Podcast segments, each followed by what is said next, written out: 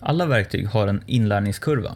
Så om du till exempel ska bygga en hemsida så kan du börja med någonting enkelt och snabbt. Någonting som, där du inte behöver vara ett geni för att bygga, få upp din hemsida, men där du också kanske blir begränsad i funktionaliteten. För det är ofta det du betalar när du får någonting enkelt. Du får någonting som är lätt att använda men du får också någonting som är väldigt enkelt uppbyggt. Och de flesta webbplatsbyggare som tillåter den typen av enkelhet låser också in dig i ett system så att du blir låst till den plattformen du väljer.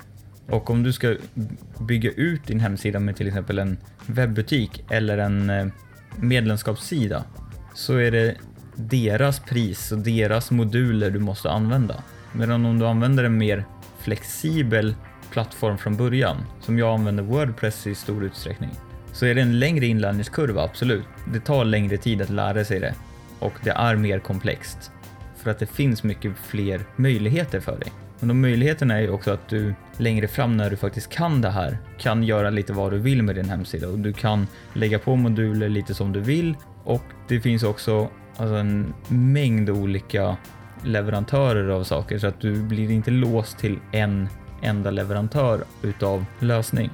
Och det här går ju tillbaka till inte bara hemsidor utan i princip all typ av programvara eller alla typer av verktyg. Du får en inlärningskurva oavsett vilken typ utav plattform du väljer eller vilken typ av komplexitet du väljer. Även de lätta sakerna måste ju faktiskt läras. Om du sen växer ur de här lätta sakerna, då måste du ju byta plattform eller byta verktyg till någonting som ger dig den friheten du behöver. Och då måste du börja om från början och lära dig igen.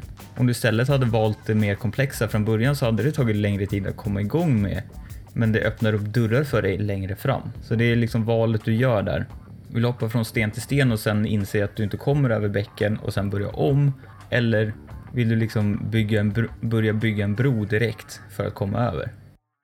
Utanför ekorrhjulet är skapat av mig, Rickard Götlin. Få fler tips på hur du skapar ett smartare företag och ett rikare liv genom att registrera dig på mitt nyhetsbrev. Gå in på rickardgotlin.se och anmäl dig idag.